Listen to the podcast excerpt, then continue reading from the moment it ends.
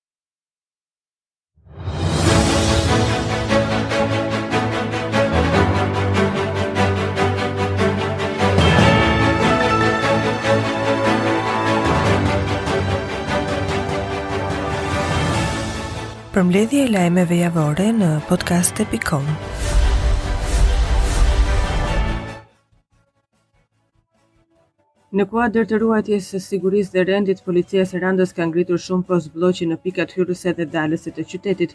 Mësohet se nga kontrollet e ushtruara nga forcat Shqiponja dhe FNSH në vendin e quajtur Ura e Kranesë u arrestua një i ri nga Gjirokastra. Këtij të fundit iu gjetën disa doza me lëndë narkotike. Postblloqet vazhdojnë për kapjen e personave të armatosur apo në kërkim. Fidel Ylli prezanton projektin e sportit në shkolla të largojmë të rinjtë nga veset. Ky projekt do të marrë nga buxheti i shtetit 5 milionë euro. Fidel Ylli u shpreh se projekti do të shtrihet në 12 qarqe të vendit në gjashtëdhjetë e një bashki në mënyrë që të zhvillojë edhe qytetet e vdekura në çdo qoshe të Shqipërisë. Sipas KOKSH, ky projekt ka një rëndësi të madhe pasi do të bëjë të mundur të largojë të rinjtë nga veset si droga apo alkooli dhe do të fillojnë të merren me sport, duke bërë kështu jetën më të shëndetshme. Botuesi Nikoll Lesi ka bërë një parashikim të fortë për atë që do të ndodhë në politikën shqiptare pasi shprehet se ka burime të sigurta se Lulzim Basha do të jetë presidenti i ardhshëm i vendit. Ai shkruan në gazetën Koha Jonë se kjo mund të jetë një mënyrë për të qetësuar situatën në Partinë Demokratike, ndërkohë që drejtimin e opozitës pritet ta marrë dyshja Berisha-Meta. Miq përtej oqeanit, ata që po mbajnë Bashën në këmbë dhe kur elektoratin demokrat po e merr ish-kryeministri Berisha, kanë vendosur që Lulzim Bashën ta bëjnë president republike natyrisht pas largimit të Metës. Kryeministri Rama është shprehur hapur se emrin e presidentit do ta votojë në bashkëpunim me Partinë Demokratike, natyrisht Lulzim Bashën.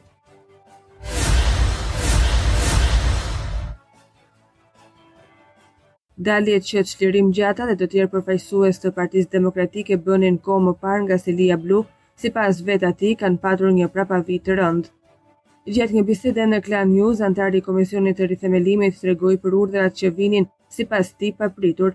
Ai nuk e do Partinë Demokratike në opozitë, por në biznes. Kemi trajtuar herë pas here deklarata, kemi dalë me emra kundër oligarkëve dhe papritur binte heshtja.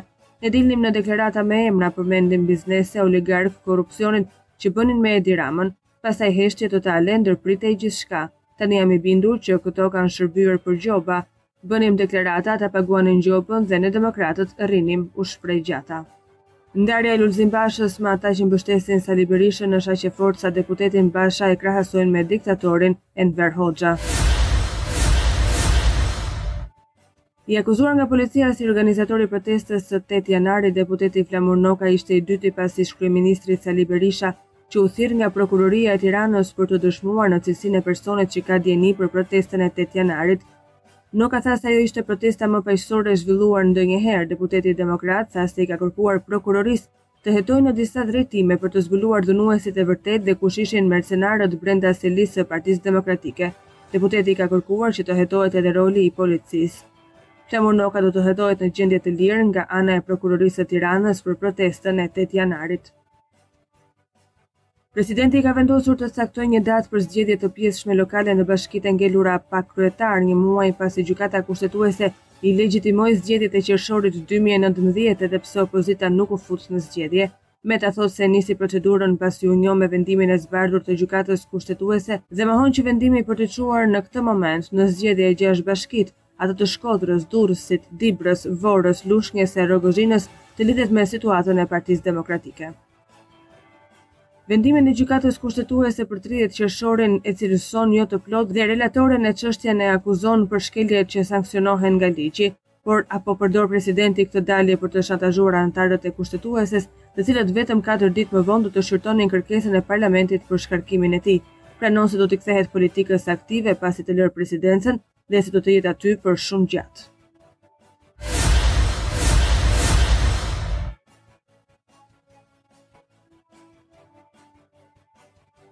Sekretari i Përgjithshëm Gazmend Bardhi është paraqitur në Prokurorinë e Tiranës për të dëshmuar në lidhje me protestën e 8 janarit.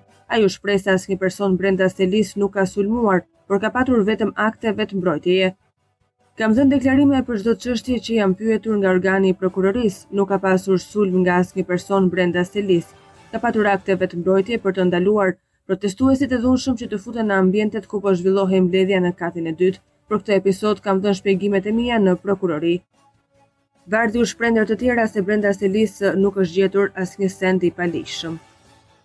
Presidenti Ilir Meta gjatë komunikimit me gazetarët tha se ditën e protestës së dhunshme të 8 janarit ka komunikuar me Belind Këlliçin, duke theksuar se nuk mban asnjë anë politike ai tha se i ka këshilluar që protesta të jetë paqësore, Dhe se Këlliçi i ka thënë se nuk do të ndodhë asgjë nga ajo çfarë pamë.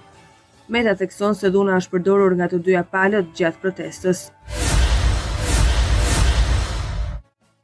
Nga specialistët për hetimin e krimit në Komisariatin e Policisë në Shkodër u bë kapja dhe ndalimi i shtetasit me iniciale ED 33 vjeç banues në fshatin Rashkullaj, Bashkia Malësi e Madhe i shpallur në kërkim për veprën penale vjedhje.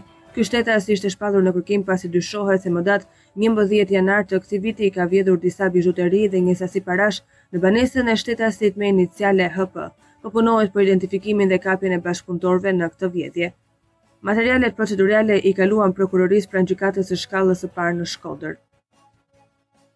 Drejtori i Përgjithshëm i Policisë Gledis Nano në kuadër të njëqind e nëntë vjetorit të krijimit të Policisë së Shtetit në shenjë vlerësimi e kujtimi të emrit dhe veprës së dëshmorit të policisë ka vendosur kurorë me lule në memorialin kushtuar dëshmorëve të policisë në Akademinë e Sigurisë. Më pas Drejtori i Përgjithshëm i Policisë së Shtetit, në emër të Shoqatës së Policëve Shqiptaro-Amerikanë, i dorëzoi familjarëve të dëshmorit të policisë Saimir Hoxha, stemën e policisë të gdhendur në dru në shenjë vlerësimi dhe mbështetje.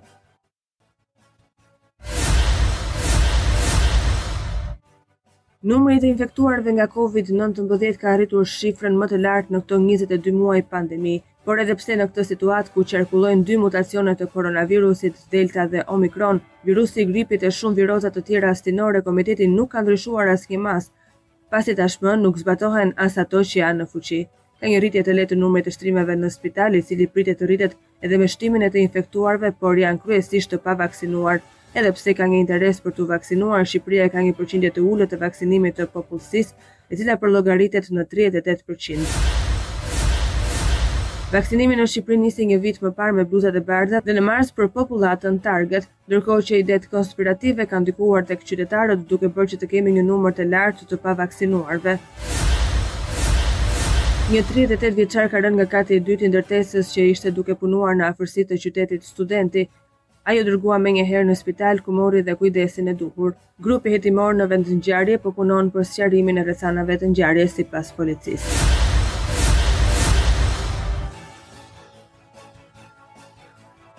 Pas 20 janarit që përkon me afatin e fundit të vetëdeklarimit të listëpagesave nga bizneset, Ministria e Financave do të nisë aksionin në terren në rast se subjektet nuk i përgjigjen thirrjes së tatimeve.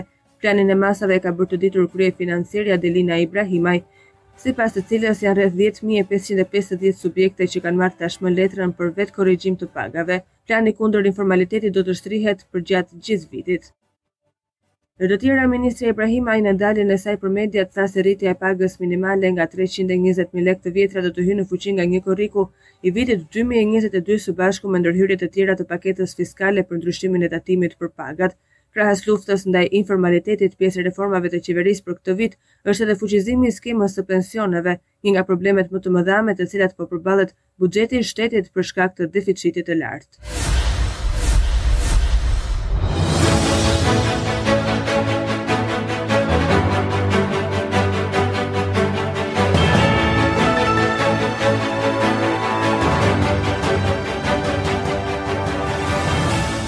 Përmbledhje e lajmeve javore në podcast.com.